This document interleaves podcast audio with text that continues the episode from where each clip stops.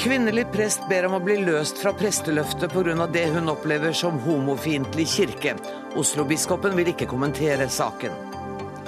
Skøytekongen Hjalmar Andersen er død. Han var rett og slett suveren, forteller kuppelen. Vi må ut av Schengen og gjeninnføre passkontroll, sier leder for Senterungdommen. Lukter et Senterparti som er redd for alt som er fremmed og annerledes, sier Venstre.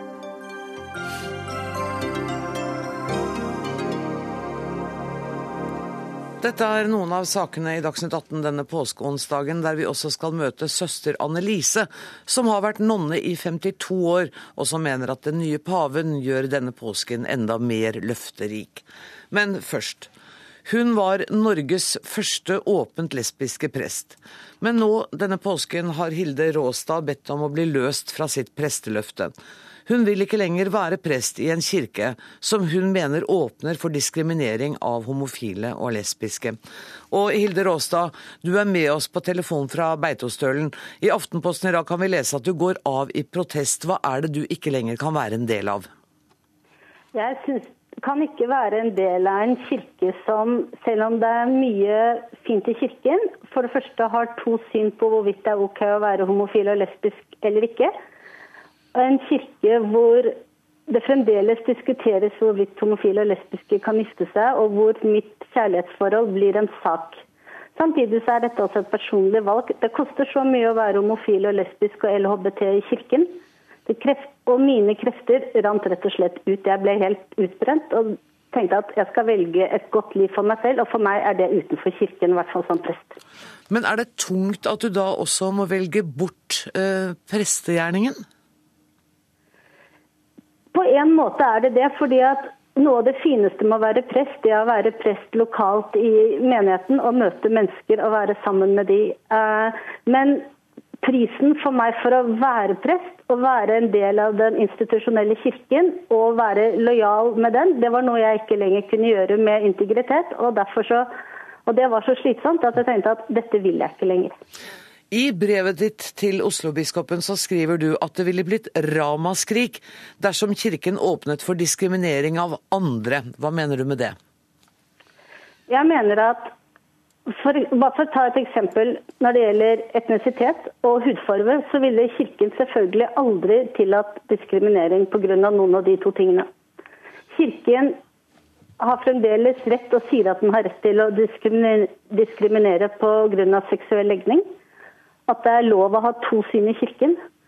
Det vil si at kirken sier at det er OK med homofobe holdninger. Jeg kaller det homofobi en synd, og syns at det ikke er riktig. Jeg er helt og totalt uenig med det, og ønsker meg en kirke hvor kjærligheten er grunnleggende, og hvor det er raushet, og hvor alle har en plass. Du har de siste årene i hovedsak arbeidet i Hamar bispedømme. Hvorfor er det Oslo-biskop Ole Kristian Kvarme du ber om å løse deg fra ordinasjonsløftet? Det er nok ikke riktig. Jeg har vært like mye prest i Oslo bispedømme som jeg okay. har vært i Hamar bispedømme. Mm. Jeg er født i Oslo, jeg har vokst opp i Oslo. Oslo er min by. Jeg har bodd der nesten hele livet mitt. Så det er naturlig for meg å forholde meg også til kirken i Oslo. Samtidig så skal jeg formelt forholde meg til, når jeg skal gjøre noe sånn som det jeg har gjort nå, til den biskopen som er biskop der hvor jeg bor. Så det er, ja. Mm. Hva synes du om utviklingen i kirken i den tiden du har vært prest? Det har skjedd mye positivt, og kirken har beveget seg fremover i den tiden. Den er blitt åpnere. Og særlig når jeg har jobbet i Hamar, så har jeg møtt en raus og åpen folkekirke. Samtidig de siste årene så har jeg opplevd at kirken i Oslo er blitt mer konservativ. Det er vanskeligere for homofile og lesbiske prester å få jobb, eller nesten umulig. Kirken i Oslo har, eller Bispedømmerådet i Oslo har vedtatt at i alle stillingsutlysninger så skal det stå at samlivsform kan vektlegges.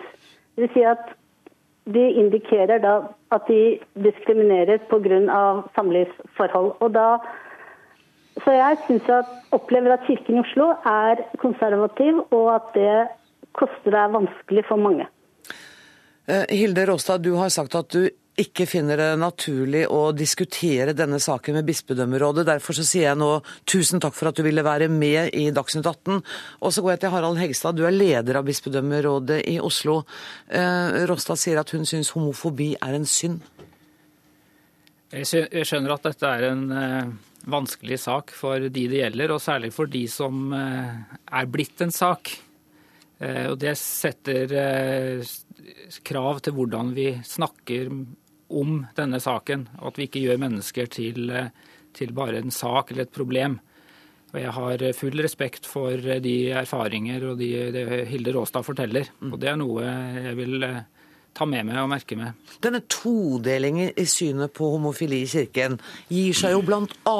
uttrykk i at når stillinger lyses ut, så kan eh, bispedømmerådet i det enkelte bispedømme bestemme om setningen 'samlivsform kan bli vektlagt', om den skal med eller ikke. Og i Oslo er den med. Hva betyr denne setningen? Ja, det er i De fleste bispedømmerådene har med denne formuleringen. Ja. Og Det betyr at det, dette kan bli tillagt vekt. Det betyr ikke at det må tillegges vekt i det enkelte tilfellet. Og Dette refererer heller ikke bare nødvendigvis til homofili, men det kan også være samboerskap osv., som også er et omstridt spørsmål i Kirken. Sånn at det kan hende at hvis du er eh, prest og samboende med et menneske av motsatt kjønn, altså ikke gift, så kan man, skal man ikke bli tilsatt det kan legges vekt på ved tilsetting. Altså Saken er at dette er det ulike syn om i Kirken, og da er det fra bispedømmerådets side ønsker vi åpenhet om det, at det spørres om det ved intervju, i stedet for at det går rykter og ubekreftede opplysninger som noen kan komme til å, å forholde seg til i løpet av en prosess. Vi mener det er fordi det er legitimt med ulike syn i dette spørsmålet, så ønsker vi åpenhet. Åpenhet som da fører til at hvis en eh, prest eh, er åpen om sin legning, eller altså om at han er homofil eller hun er lesbisk, så betyr det i Oslo at eh, da får du ikke jobben? Nei, ikke, det gjør det absolutt ikke. I Oslo Nei. bispedømme er det tilsatt flere prester som er åpent homofile. Men hvorfor kan man ikke da ta ut den setningen, lurer jeg på?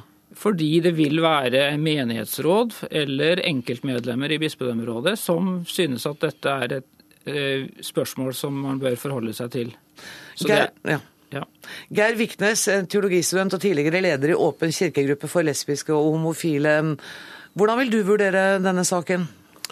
Jeg syns det er veldig beklagelig at Hilde Råstad ønsker å, å bli løst fra ordinasjonsløftet sitt. Um, fordi at det gjør kirka vår fattigere.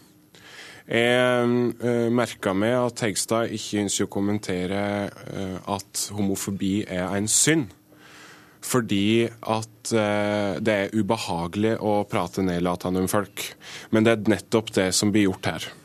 At kyrkja er så opptakende av hva folk, hva folk gjør på privaten, det svekker troverdigheten til kyrkja. og eh, Jeg skulle veldig gjerne sett at eh, Hegstad og Oslo bispedømmeråd eh, inntok en mye mer åpen holdning til presteskapet. fordi at her er det en stor konflikt mellom hvor folk opplever at kyrkja skal være og bør være og er i praksis, og det Hegstad forfekter.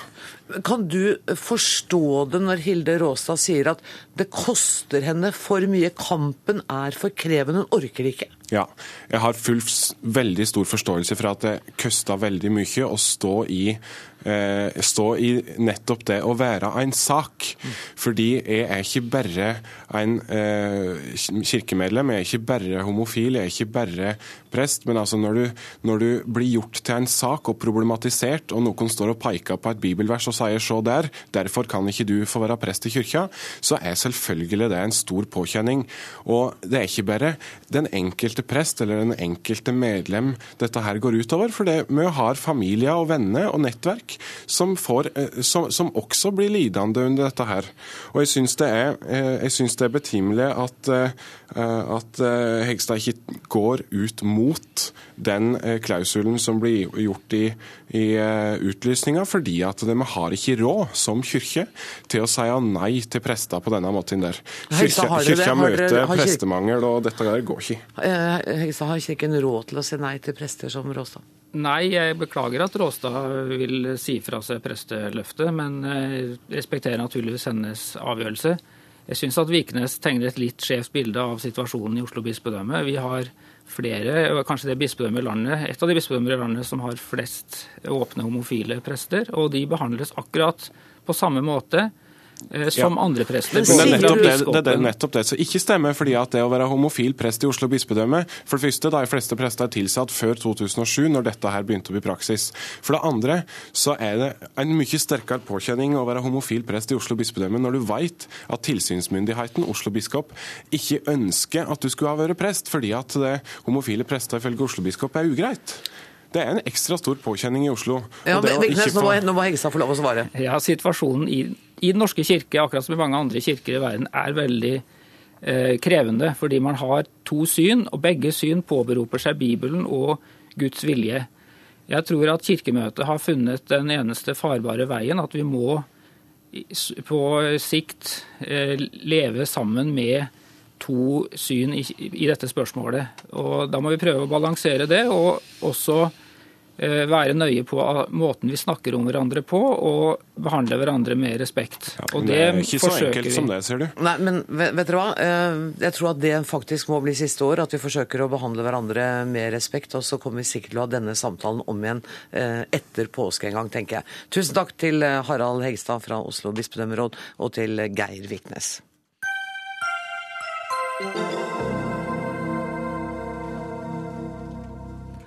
Skøytelegenden Hjalmar Andersen, Hjallis, sovnet inn på Ullevål sykehus i natt, 90 år gammel.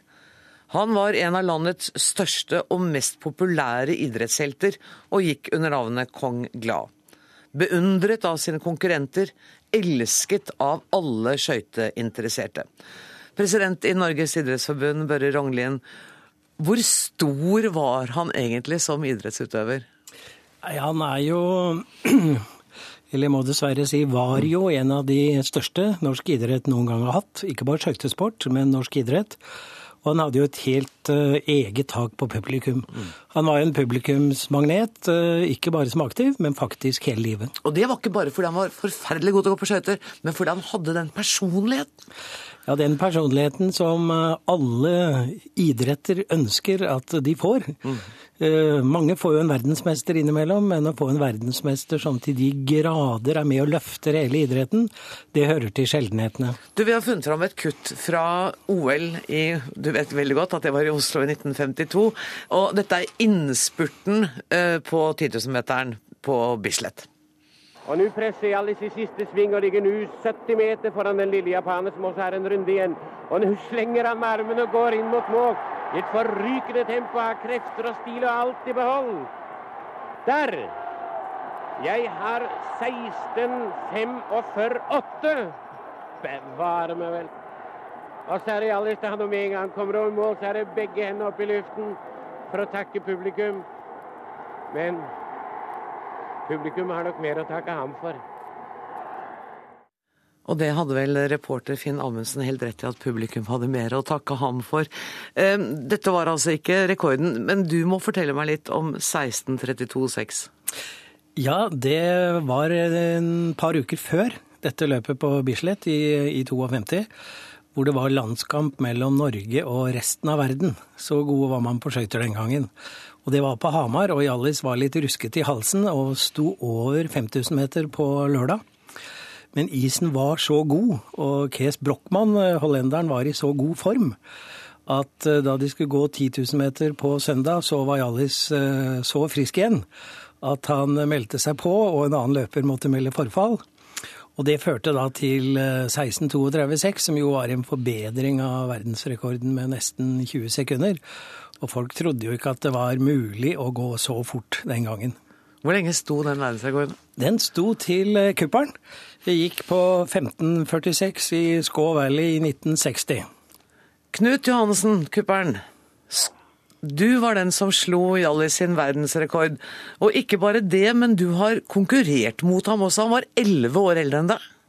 Ja, ja han, um, ja, han satt jo, det, var, noen russere som gikk under den rekorden hans, men det var ikke approbert i stevnene.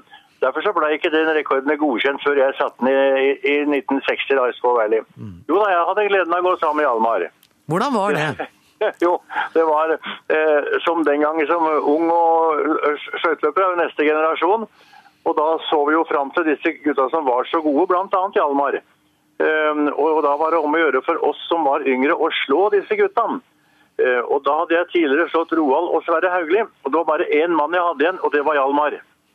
Og han gikk jeg sammen med i et kveldsløp i Drammen i 55. Og han slo jeg da i samløp. Og da var jeg veldig stolt. Hvordan tok han det? Han tok det Ja, han kom bort og slo meg på skuldra, så det var ikke noe han, Nei, det var ikke noe omfavnelse og den stilen. Nei da, men det er jo, nei, det er jo, det er jo trist å tape, da. Og det har jeg jo erfart òg, det. Så det er ikke noe Ja, så sånn følte han det òg. Hadde du og Hjallis kontakt etter at dere begge to la opp som skøyteløpere? Eh, eh, ja, nei, vi har jo alle, bare i skøytesammenheng. Vi er sammen i noen sånne foreninger. Der er vi sammen. Ellers så hadde ikke vi noe kontakt sammen privat. Det er jo elleve år nesten mellom oss. Så, så vi var en neste generasjon skøyteløpere, vi. Torstein Seiersten og Elvenes og Jan Kristiansen og jeg. Vi, vi var neste generasjon, og vi skulle forsøke å ta vare på det Hjalmar hadde gått i bresjen for. Og det hadde han jammen. Var, var han en inspirasjon for deg da du var ung gutt? Jeg trodde aldri jeg skulle bli noen god skøyteløper. Jeg turte ikke å ha noe forbilde. Det er så mange som har hatt det, og de har blitt veldig skuffet. Så jeg tålte, jeg tørte ikke å ha noe forbilde om hvor god jeg skulle bli. Så jeg bare trente og trente og visste at jeg var litt bedre hvert år. Og da håpa jeg at jeg kanskje skulle nå toppen en gang, men det satt langt inne for meg. altså. Så jeg har ikke hatt noe drøm om å bli noen stor idrettsutøver. Børre Rognlien, eh, det som Knut Johannessen forteller, som om Hjallis også har fortalt, det var at begrep som støtteapparat, eller sponsoravtaler, eller bonuser, det var ukjente begreper. Det gjør nesten prestasjonen enda større. Ja, det har skjedd utrolig mye internasjonal idrett siden 50-tallet. Og alt det du sier er helt riktig. Vi, eh, vi levde faktisk i en tid også før fjernsynet. Så skøytesporten hadde jo et nært eh, samliv med radioen eh, den gangen, og det bidro jo også til populariteten. Men først og fremst fordi skøytesporten fikk fram giganter som Hjallis og, og etterpå Kuppelen. Mm. Altså, Thomas Mathisen var den første Nei, um, hva heter han? Um, første skøyteløperen. Oskar Mathisen. Oskar Mathisen var jo Ja. den første liksom store, men Hjallis ble jo enda mye, mye, mye større. Ja, det kan man si. Og det skyldes jo også at det var en utvikling. Det var jo en utvikling i idretter, det var en utvikling i stadioner, det var en utvikling i internasjonal konkurranse. Sånn at det ble jo, eh, og ikke minst, så fikk vi olympiske leker etter Oskar Mathisen sin tid. Og det at Hjallis kunne gå på hjemmebane og ta tre gull, det kronet jo toppen av alt. Og så var han ordentlig glad i mennesker, var han ikke det? Jo, han, eh, hans forhold til publikum er jo, eh, er jo helt eh, unikt. De elsket jo han. Han var jo en, en halvgud. Og, og han elsket dem. Og det Niffen sa her da Hjalmar gikk over mål, og, men de har mest å takke han for, så mm, har jeg lyst til å si at den statuen som står utenfor Bislett, det er en status som viser akkurat det øyeblikket når Hjalmar går over mål på 16.45,8 på, på Bislett. Og da ser man at han takker publikum. Og det er vi som har grunn til å takke han, Absolutt. særlig på en dag som dette.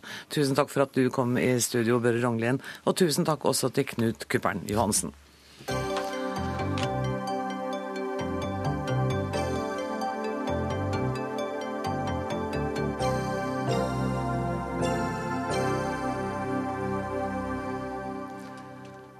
Nord-Korea fortsetter å skjerpe tonen mot Sør-Korea og resten av verden. Sør-Koreas president har bedt naboen i nord om å avvikle atomprogrammet, noe som fikk Pyongyang til å be henne holde munn.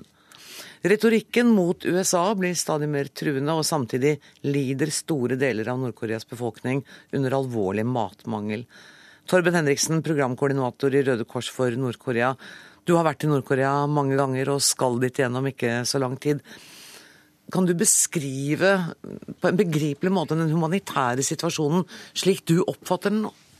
Ja, Det er en eh, humanitær katastrofe som du sier, som har et enormt omfang. Det er jo Hele landet vil jeg si, er i en humanitær, kronisk eh, situasjon. Men dette har vi hørt om i årevis. Blir det bare verre? Jeg vil si at det holdes på et minimumsnivå, slik at befolkningen overlever. Eh, I hovedsak. Mange er selvfølgelig syke og lever et tungt liv.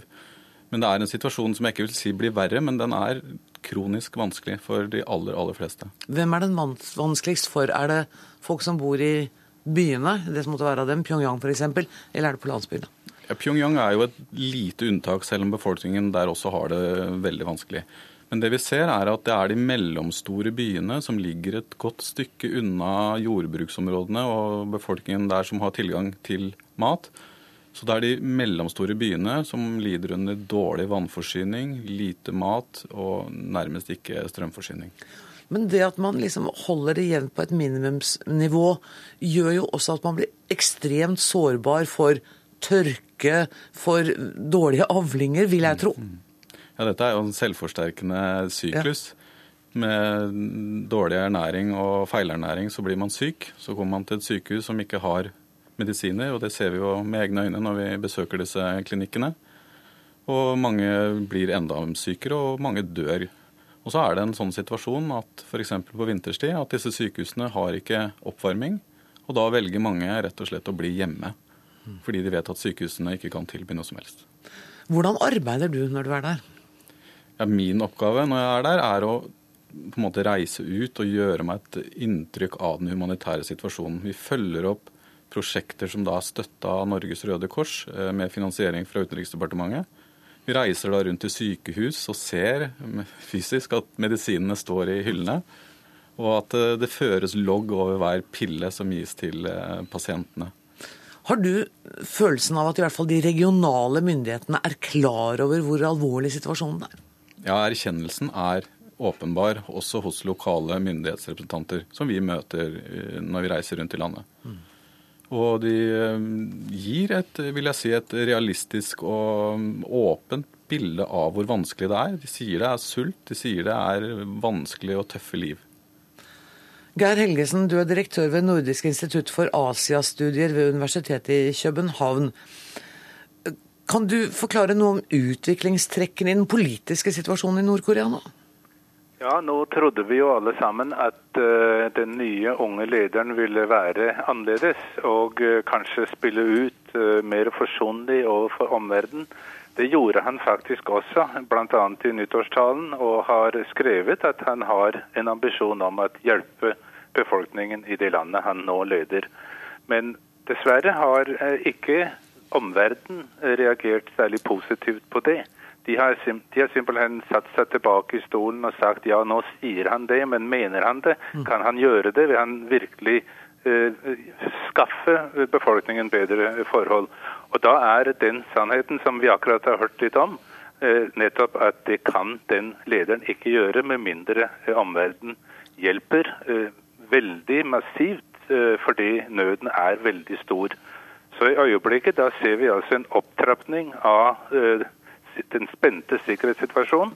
Og uh, man bruker fra Pyongyangs side ord og begreper og trusler uh, i forhold til både Sør-Korea og USA som er for oss ubegripelige, men for meg, som har fulgt utviklingen i 30 år, så ser jeg det som et uttrykk for at de er angst. De er fryktelig redd for, hva da? at USA velger en militær løsning på en konflikt som nå har vart i 65-66 år. Men for oss ser det ut som det er Nord-Korea som er den mest eh, provoserende her? Ja, de er provoserende med, med, med, ord og uttrykk, og innimellom så har de til og med skutt mot uh, Sør-Korea. De har jo i hvert fall uh, skutt mot en øy, og, og fire mennesker ble drept for et par år siden. Uh, det er jo veldig alvorlig, men det som mediene ikke akkurat er så interessert i, det er å prøve å beskrive utviklingen opp til de her hendelsene. Og Det som er skjedd, det er altså at eh, USA og Sør-Korea har meget store militærmanøvre i havet rett utenfor Nord-Koreas kyster. Og Nord-Korea føler seg presset og truet. Og Kina til og med har advart USA og Sør-Korea om at de må prøve å trekke seg litt tilbake, ikke være så tett på den eh, nordkoreanske, de nordkoreanske grensene, fordi det kan um, utvirke at Nord-Korea går fullstendig Eh, ja, trykke på, på, alle de knappene de helst ikke skulle trykke på. Ja, Det var mitt neste spørsmål. Er det virkelig, hvis eh, Nord-Korea fortsetter å oppleve seg så presset og så isolert, er det en reell fare for at de kan komme til å trykke på en knapp som vil utløse en katastrofal krig? Altså, Jeg tror ikke man kan avvise den muligheten. Eh, jeg tror heller ikke den er særlig sannsynlig. Men når situasjonen er så spent som den er, på alle sider så, så gjør man seg klar til et eller annet forferdelig, så kan man jo øh, befrukte at, at, det simpelthen skjer en feil, eller at en eller annen ikke lenger tenker klart øh, og, og, faktisk trykker på den knappen. Men øh, for, for, meg er det også viktig å si at vi har nå sett så mange ganger at Nord-Korea reagerer voldsomt negativt mm. på utlandets press og på utlandets fordømmelser og isolasjon av dem. Og vi burde faktisk snart lære at når vi gjør det motsatte, så er nordkoreanerne også mennesker, og de er til å snakke med. Og de har sagt flere ganger at de ønsker et bedre forhold til USA. Men, men det, er altså, det er begås feil på begge sider, og nå er situasjonen temmelig alvorlig. Torben Henriksen, eh, dere kommer til å fortsette med den humanitære hjelpen. og Det er jo ofte sånn at når et land blir isolert, så er det sivilbefolkningen som, som rammes. Er det andre enn dere som er inne og driver denne type hjelpearbeid? Det er flere organisasjoner i eh, Nord-Korea. FN har sine, sine, hovedorganisasjoner på plass, som f.eks. Matvareprogrammet, som uh, gjør en svært viktig jobb for å holde store deler av befolkningen i live. Og det finnes også enkelte andre frivillige organisasjoner som er på plass i Nord-Korea. Men det bidraget som gis nå, det er kun for å avlindre situasjonen. Og det er jo ikke snakk om noen utviklingsprosjekter vi gjør i Nord-Korea. Det er rett og slett overlevelsesprosjekter for menneskene? Ja, det kan du egentlig kalle det. Men For det er mange millioner vi snakker om? Ja, vi snakker om men Det sies at det er 16 millioner mennesker nå som har for lite mat gjennomgående. Det betyr eh, to tredeler av landets befolkning har for lite mat. Og 2,5 millioner av disse igjen er, eh, er, rett og slett eh, så svake og utsulta at det, det står om livet for disse. Når skal du reise tilbake igjen? Neste uke skal jeg tilbake. Da håper jeg du kommer hit og avlegger rapport når du er eh, tilbake igjen i Norge. Tusen takk for at du eh, kom, Torben Henriksen, programkoordinator i Røde Kors for Nord-Korea. Takk også til Geir Helgesen, direktør for Nordisk institutt for Asiastudier ved Københavns universitet. Hør Dagsnytt 18 når du vil, på nettradio eller som podkast. nrk.no – dagsnytt 18.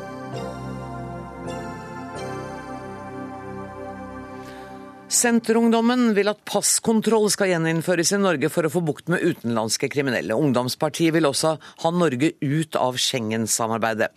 Sandra Borch, leder i Senterungdommen, hvorfor vil du stenge grensene? Jeg syns det er synd at eh, dagens oppslag i en rekke medier eh, fokuserer på de her to eh, stjålne iPhonene, noe jeg også tenker at Venstre kommer til å nevne.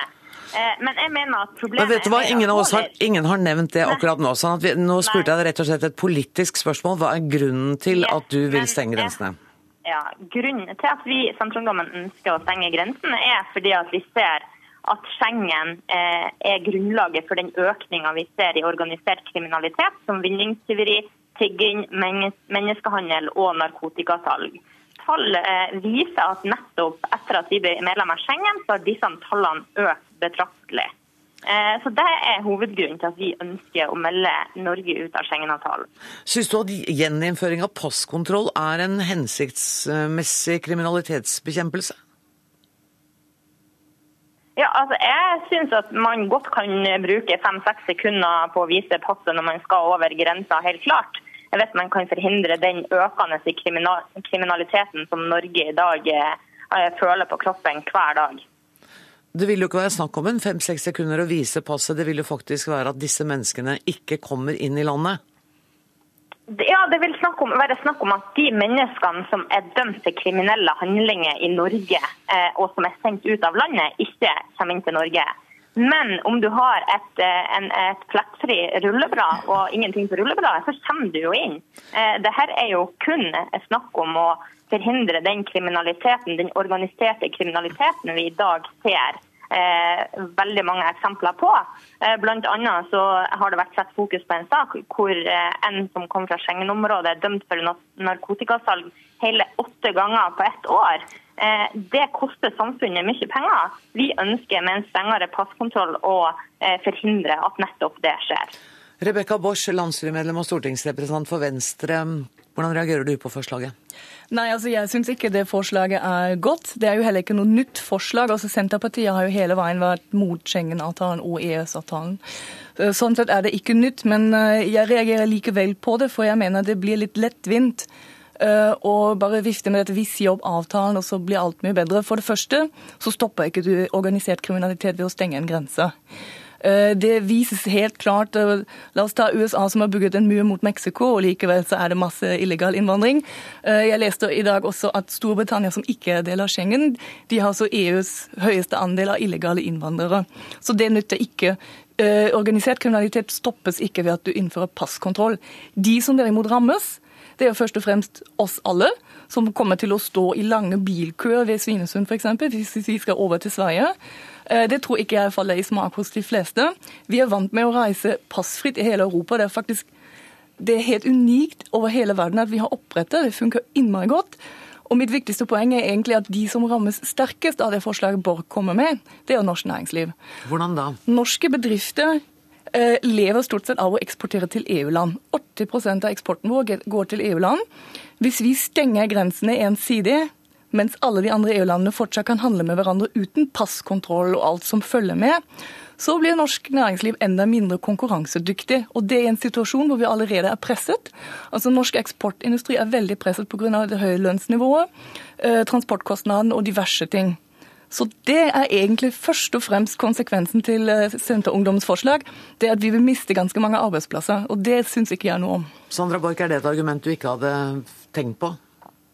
Jo da, jeg tenkt på det, og jeg er helt uenig. For Politiet ser jo sjøl at den kostnaden som Schengen-samarbeidet i dag utgjør, koster mer enn det gjør å sikre grensene. Det vil si at vi heller kan bruke pengene på effektive grensekontroller. Samtidig som, eh, som handelen flyter godt, så kan vi også hindre den kriminaliteten som er veldig økende i Norge i dag. Det ser vi i forbindelse med tigging, narkotikasalg og vinningstyveri. Og Det må også eh, Venstre eh, ta til orde for. For jeg, Hva er Venstre sin løsning? Nei, Jeg må bare bryte inn i dette. Jeg vet ikke hvilke, Sandra, jeg vet ikke hvilke tall du bruker, men jeg har altså slått opp der SSB-statistikk på vinningskriminalitet. Den har altså gått ned med 24% fra 2002 til 2010, som er det siste tallet. Og i 2001 ble Norge med i Schengen. Så dette stemmer ikke. Eh, det er ikke sånn at eh, all kriminalitet har gått opp. Det er ikke riktig. Andelen utenlandske kriminelle har gått opp i forhold til det totale antallet kriminelle. Men det betyr ikke at kriminaliteten totalt sett har skutt sånn i været som du fremstiller det slik. Som, yes, nei, jeg kan også politiet vise til at eh, den samla kriminaliteten har gått opp. og Det gjelder vinningstyveri, det gjelder menneskehandel, det gjelder narkotikasalg og det gjelder også organisert kriminalitet hvis man ser på, på bl.a. tigging.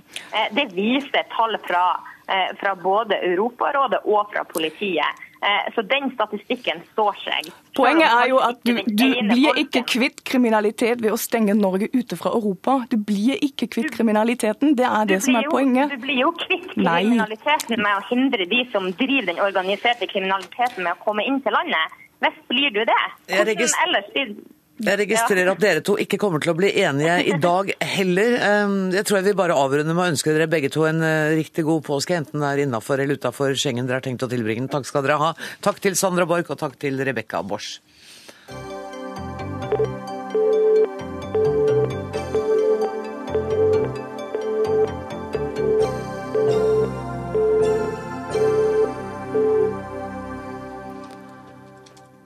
Åtte år etter fredsavtalen mellom Sudan og Sør-Sudan blir sivilbefolkningen fortsatt utsatt for bombing og for krigshandlinger.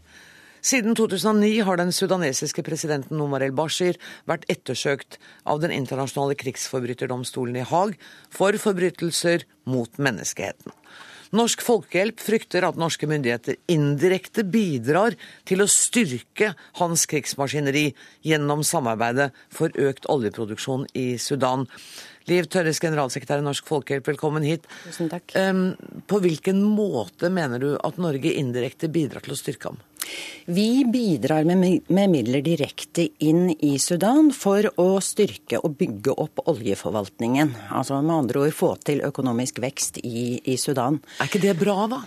Jo, det kan man si. I utgangspunktet er det det. Men det er ikke veldig greit å bidra med penger direkte inn i et apparat og et regime som bomber egen sivilbefolkning, og som nekter humanitær adgang for humanitære organisasjoner, som regimet i Khartoum gjør i disse to områdene, Sør-Kordofan og Blånilden.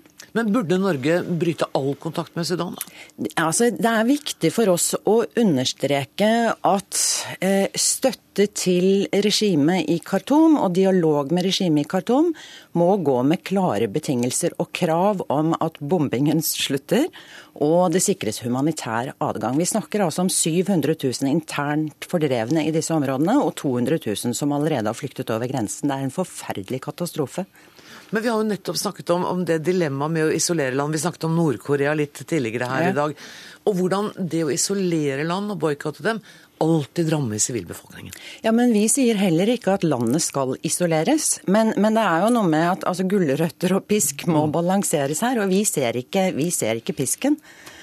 Og det, det, har vi formidlet og stilt noen spørsmål til, til Utenriksdepartementet om. Ja, og pussig nok, vi har også ringt Utenriksdepartementet. Mm. Torgeir Larsen, statssekretær i Utenriksdepartementet. Er det bekymringsfullt at Norge indirekte eh, ved sitt oljesamarbeid kan bidra til å forlenge disse forbrytelsene mot sivilbefolkningen? Altså, jeg er ikke enig i, i premisset som, som, som, som legges til grunn for, for, den påstanden.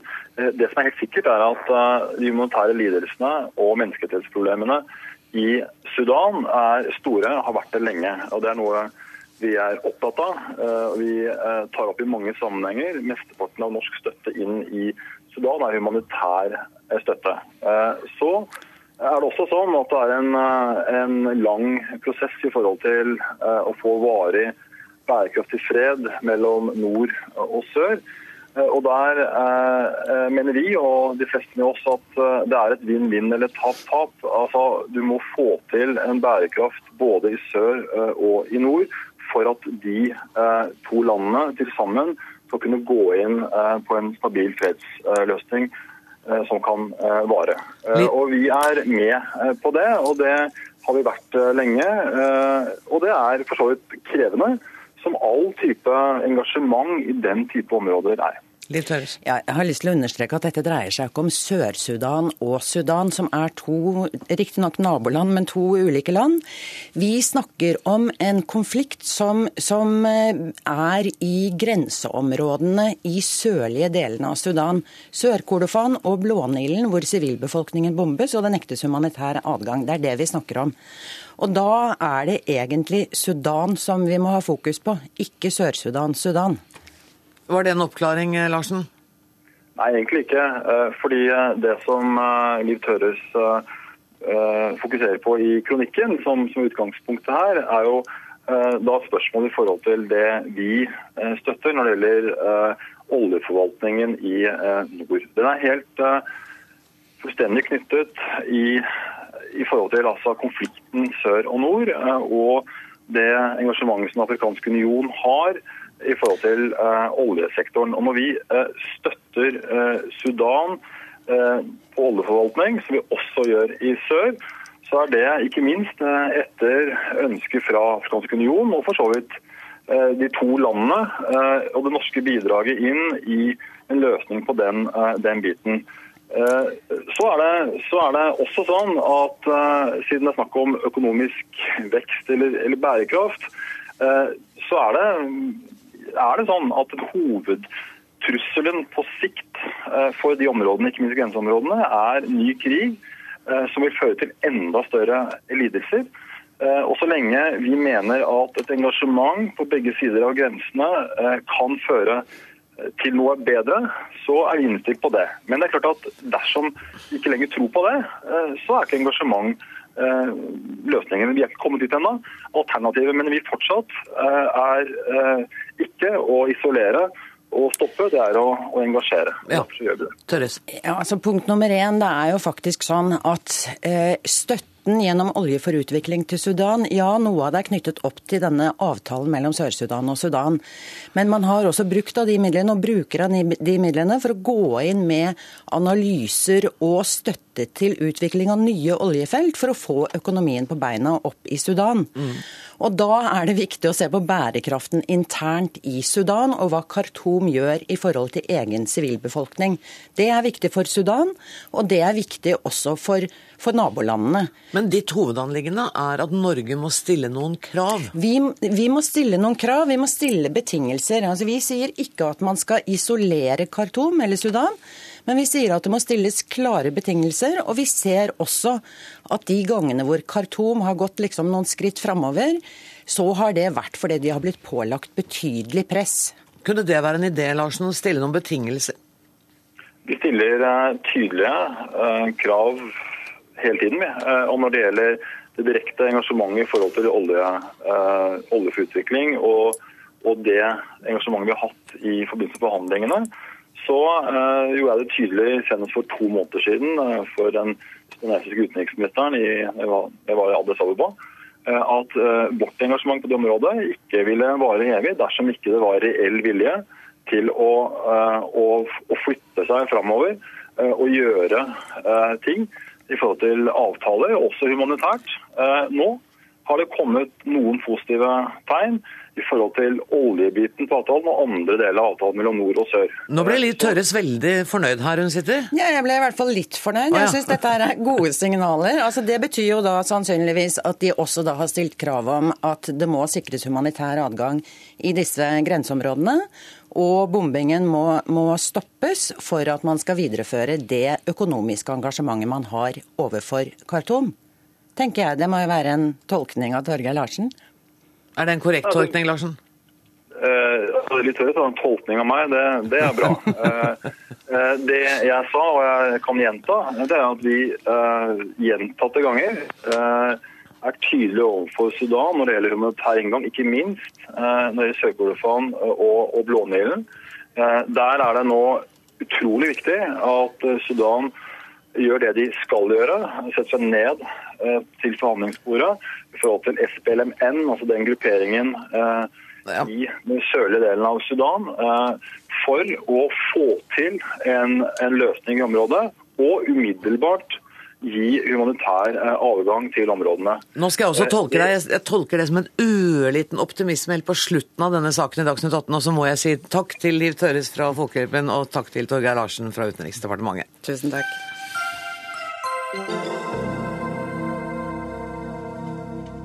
Flere partier åpner for omkamp om forbudet mot bruk av bly som ammunisjon i småviltjakta. Miljøforkjempere mener blyforurensningen er så alvorlig at det vil være i strid med miljøvernets grunntanke å oppheve forbudet. Det skriver bl.a. du, Rasmus Hansson, førstekandidat for Oslo Miljøpartiet De Grønne. Eh, hva er de viktigste punktene mot å oppheve dette forbudet? Eh, forbudet er der fordi bly er et giftig tungmetall. Som det er gjort en masse innsats i industrien, i transport osv. for å hindre at vi slipper ut og som det ikke er noen som helst fornuftig grunn til at vi skal sprute utover norsk natur gjennom haglegeværene våre, når vi har et brukbart alternativ. Men det dere viser til eh, i den artikkelen, er jo at det er to tilfeller av blyforgiftning på mennesker i Norge, og så er det noen svaner. Det virker jo ikke som noe veldig stort problem da? Det er mulig at eh, vår artikkel ikke er god nok for deg. Men eh, Statens forurensningstilsyn, dvs. Si Klima- og forurensningsdirektoratet, Direktoratet for naturforvaltning, og det, det som de baserer sin, uh, sine beslutninger på, uh, og Stortinget tidligere, har jo for lengst konstatert at rett og slett fordi at bly helt udiskutabelt er et giftig tungmetall, uh, og kan skape veldig alvorlige forgiftninger, det er, det er overhodet ikke noe å diskutere. Eh, så skal vi ikke sprute norsk natur full av det, sånn som vi gjorde før det eh, blyforbudet kommer. Hvor stort var omfanget den gangen? Ja, Hvor mange tonn det var, det vet jeg ikke. Men det var tonnevis? Det var mye, og, og, og, og på det tidspunktet da forbudet kom, så var bly fra eh, haglegeværer eh, en av de aller største kildene til blyspredning i norsk miljø, fordi de andre jobbene stort sett var gjort. Og Derfor er det helt meningsløst og skulle oppheve et veldig fornuftig føre-var-basert eh, miljøtiltak i Norge eh, av bekvemmelighetshensyn for en liten gruppe eh, fritidsjegere som gjør dette for moro skyld. Helt fint. Men, men, ikke viktig nok til at vi skal forurense norsk natur. Erling Sande, miljøpolitisk talsmann i Senterpartiet. Hvorfor vurderer dere å gjeninnføre blyhagl? Ja, Nå må jeg ta et lite forbehold, for dette er jo Senterpartiet sine landsmøteutsendinger som avgjør eh, partiet sitt standpunkt på i, i neste uke. Men vårt utgangspunkt eh, når det gjelder lovgivning er følgende. altså Politikkens oppgave og viktigste oppgave er å lage lover der det er nødvendig.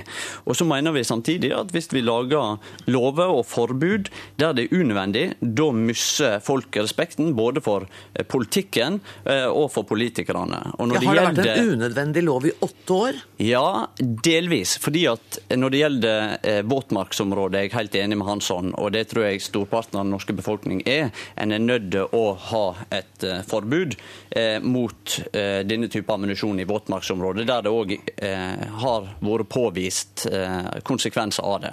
Men så er det sånn at store deler av det norske land er jo ikke våtmarksområde, og i veldig store områder så er dette ikke noe problem. Og da syns vi det blir feil å pålegge da jegere ekstra både utgifter og, og, tidsbruk for å kjøpe alternativ ammunisjon, som også i mange tilfeller er dårligere ammunisjon til det, det, som det skal brukes. Men Sand, er ikke dette å skru klokka litt tilbake? For det finnes altså alternativ ammunisjon som ikke forurenser. Og jo flere som ville bruke den, jo lettere tilgjengelig ville den jo bli. Og man ville utvikle mer av den. Ja, Samtidig er ikke det alle disse alternativene som er like gode. Eh, et av målene eh, i norsk eh, jaktpolitikk er jo dette med at en skal ha en human avretting av dyra. Bly er et utmerka ammunisjonsmateriale å bruke med tanke på det.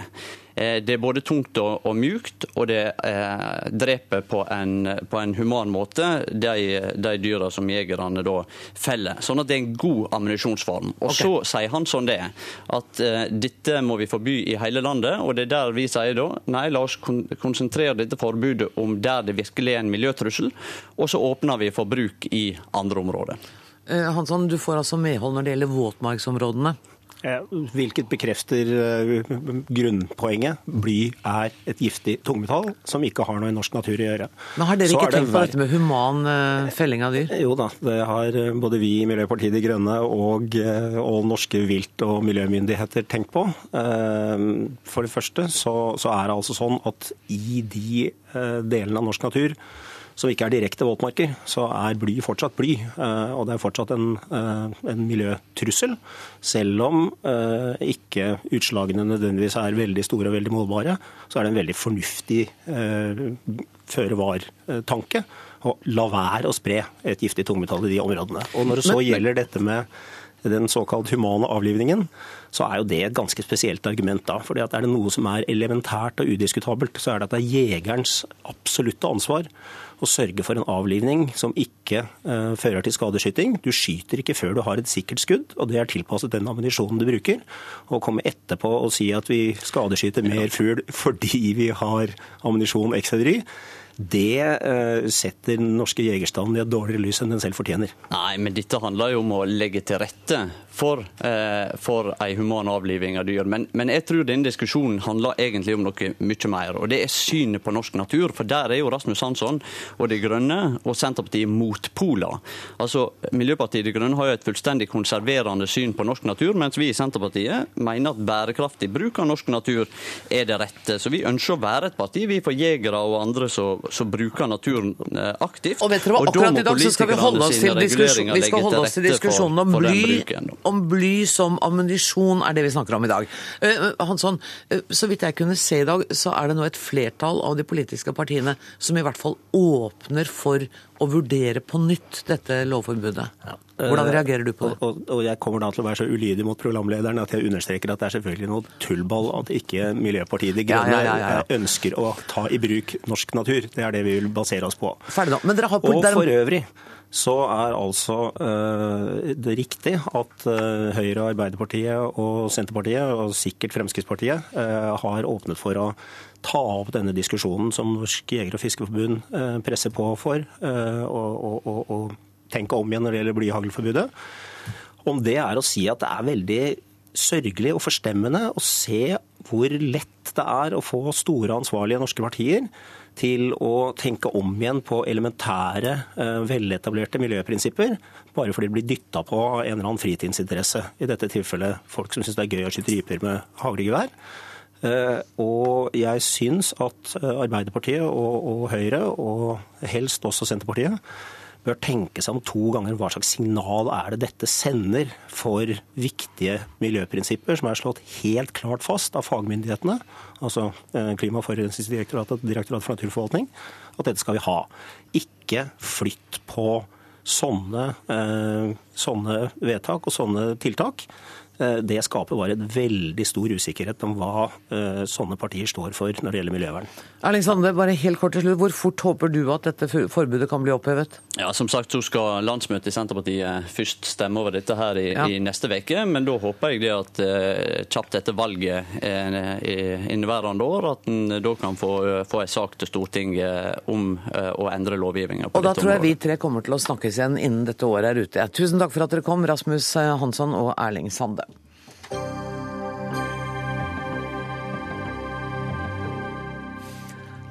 Hun har vært nonne i 52 år. Hun tilhører den kontemplative grenen av Dominikanerordenen, og i mange år har hun vært priorinne ved Lunden kloster i Oslo. For 52. eller 53. gang skal du nå feire påsken i kloster. Søster Annelise, hjertelig velkommen til Dagsnytt 18. Tusen takk. Denne påsken sa du til meg på du må Den mikrofonen skal jeg få litt nærmere deg, tror jeg. Sånn, ja. Um, eh, du sa til meg på telefonen i dag at med den nye paven så blir denne påsken enda mer håpefull. Veldig spesiell.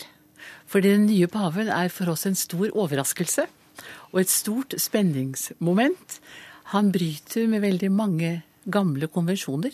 Ikke med troen, men med måter å uttrykke troen på. Så vi opplever ham faktisk som en profet. Og han ønsker å komme nærmere folket. Og lære kirken å kjenne på grasrota, eller samfunnet i det hele tatt. På grasrota. Og han har jo allerede i en av sine første prekener snakket om et felt som jeg vet står ditt hjerte nær, nemlig fattigdommen. Ja. Han vil være blant de fattige og leve som de fattige. Han nekter å identifisere seg med aristokratiet. Hvor, hvor viktig er paven Hvor mye innflytelse har det på en nonnes liv hvem som er pave? Vel, paven er omgitt av en kurie. Så ofte er det mer kurien enn paven selv som bryter igjennom, ikke sant? Og det som er det store håpet for oss, er jo nettopp at paven sier han vil fornye Vatikanet innenfra. Og han vil også, om jeg kan si det slik, eh, samarbeide med alle religioner eh, for en bedre verden. Verden er i krise. Og en stor krise, og da er det veldig viktig at alle står sammen. Og, og står sammen om å bevare f.eks. skaperverket. Uh, respekt for menneskeverdet. Og det uttrykker han ved å nærme seg de fattigste, de minste. De som bor i grenseland. Han kommer jo selv fra Sør-Amerika, hvilket er noe revolusjonært. I seg selv. Jeg, jeg leste i avisen i dag nettopp det at han vil, han vil reformere innenfra. Men da er det jo også en bekymring om at det mektige apparatet som kurien er, kanskje heller vil forandre ham og gjøre ham mer til en som passer inn i det allerede eksisterende. Det krever en dialog, det krever tid, gjensidig forståelse. Jeg tror ikke han er den som kommer til å oppheve eller ja, avskjedige folk uten videre. For han sa i utgangspunktet at han ville la det hele fortsette foreløpig. Tenke seg om. Han eksperimenterer litt, tror jeg. Han er ny i denne verdensdelen. Ikke sant? Og det skaper en ekstra forventning og en glede denne påsken her. Er, er det din 53. påske som nonne? Her? Som nonne er det min 53. Jeg trådte inn til påske. eh, Det var vel i 1961. Men jeg har vært katolikk siden 1957. Og det er, en stor, det er jo høydepunktet, årets virkelige høydepunkt, hvor vi går inn i Jesu eget liv. Og lever gjennom liturgien hvert eneste skritt av Jesu lidelseshistorie. Er det... For 2000 år siden. Hvordan, hvordan oppleves det? Det oppleves som en virkelighet. Vi forbereder oss med 40 dagers faste. Og så går vi inn i denne sterke liturgien hvor vi følger Jesus time for time. Fra han kommer inn i Jerusalem på et esel palmesøndag, og hele veien til korsveien, hans lidelse, hans død, hans oppstandelse. Vi lever det helt fysisk og konkret, og døgnet rundt. Døgnet rundt. Man kan vel si at påsken er den mest intense tiden i året for oss. Vi har ikke tid til noe annet. Og nesten ikke til å sove. Nesten ikke til. Vi sover veldig lite. vi begynner påsken med fotvasken. Hvor priorinnen vasker søstrenes føtter på skjærtorsdag. Og så går vi inn i aftensmåltidet, Jesu avskjedstale, våkenatten på Oljeberget, hele lavfredagen. I faste og bønn. Er dette en, en tilværelse du går inn i med forventning og glede, eller er det noe du gruer deg til hvert år? Gruer meg aldri til det. Vet du, liturgien er så spennende. Og det er som en spiral. Man kommer dypere og dypere for hvert år. Og til slutt så er man der. Og det er virkelig. Ser du med forakt på oss som heller går på ski med Kvikk Lunsj og appelsin og tar et glass vin på hytta og fyrer på peisen? Jeg ser ikke med forakt på noen. For skjærtorsdag tar vi også et glass vin, faktisk. Til minne om den siste nadverd. Eller Men du, du er Oslo-jente. Du kunne valgt du, du valgte jo virkelig det livet du har gjort. Ja. Har det vært situasjoner hvor du har tenkt at kanskje dette valget var galt for meg? Nei. Aldri. Jeg hadde en så sterk trang til å gi hele mitt liv til Gud uten betingelser. Fordi jeg hadde reist verden rundt som ung pike med familien og sett elendigheten rundt omkring. Og jeg tenkte, hva kan jeg gjøre for å gi mitt liv for en bedre verden? Og da tenkte jeg det beste jeg kan gjøre, er å forlate alt og bare kaste meg selv ut i Gud. I det ukjente, ubetinget. og det har, det har ikke vært øh, Det har bare vært godt. Med selvfølgelig krisetider og vanskeligheter og sånn, men det hører med. Eh, Du sier at du har ikke forakt for noen som velger noe annet enn deg, men har du noen gang møtt noe forakt fra andre mennesker for de valgene du har tatt? Mest forundring, tror jeg. Mest forundring. Vi blir nysgjerrige, vet du. Ja. I dag er det kanskje litt vanskeligere, fordi samfunnet er blitt mer kynisk. Og jeg bekymrer meg litt for den utviklingen som er det jeg kaller der ute, ikke sant? Kynismen, hvordan viser den seg? Eh, En viss kulde overfor det menneskelige. Ja, inngripen i andre menneskers liv på brutale måter. Eh, Jeg, jeg, jeg håper at kjærligheten overvinner alt det. I familielivet, i samfunnet generelt. Spesielt når det gjelder respekt for menneskers integritet og verdighet. Er du engstelig for dette? Ikke engstelig, fordi Jesus sier jo at han har overvunnet denne verden, ikke sant? Men jeg blir litt engstelig når jeg ser alle disse som lider. Alle de ensomme. Alle de som ikke har kontakt med noen. Folk blir mer og mer ensomme. Og de sitter alene. På hybler eller på aldershjem. Nå er ikke jeg negativ av natur. Heller ikke pessimist. Men jeg ser jo virkeligheten. Og, og hva kan vi gjøre som medmennesker for å gi dem et bedre liv? Et håp, en glede, et fremtidsperspektiv. Vi regner jo ikke med at verden går under enda, ikke sant? Søster Anne Lise, jeg må bare si tusen takk for at du kom til Dagsnytt 18. Og det er vel du som også da skal vaske søstrenes føtter i morgen? Ja, denne gangen så er det visepriorien som skal gjøre det. Men vi holder en innledningstale, og det er, en veldig, det er nesten en sakramental handling. Tusen takk for at du kom, og jeg vil ønske deg en riktig god påske. Dermed er det slutt på Dagsnytt 18 eh, denne i påsken, eh, fordi vi har ikke sendinger eh, helligdagene. Ansvarlig for sendingen i dag var Ida Tune Ørretsland. Det tekniske ansvaret ligger hos Beate Haugtrø. Jeg heter eh, Anne Grosvold. Ønsker dere en god påske, og hør på P2 på søndag, for da er det som vanlig søndagsavis klokka 11. Og på lørdag er det ukeslutt klokka 12.30 på P1. Takk for nå.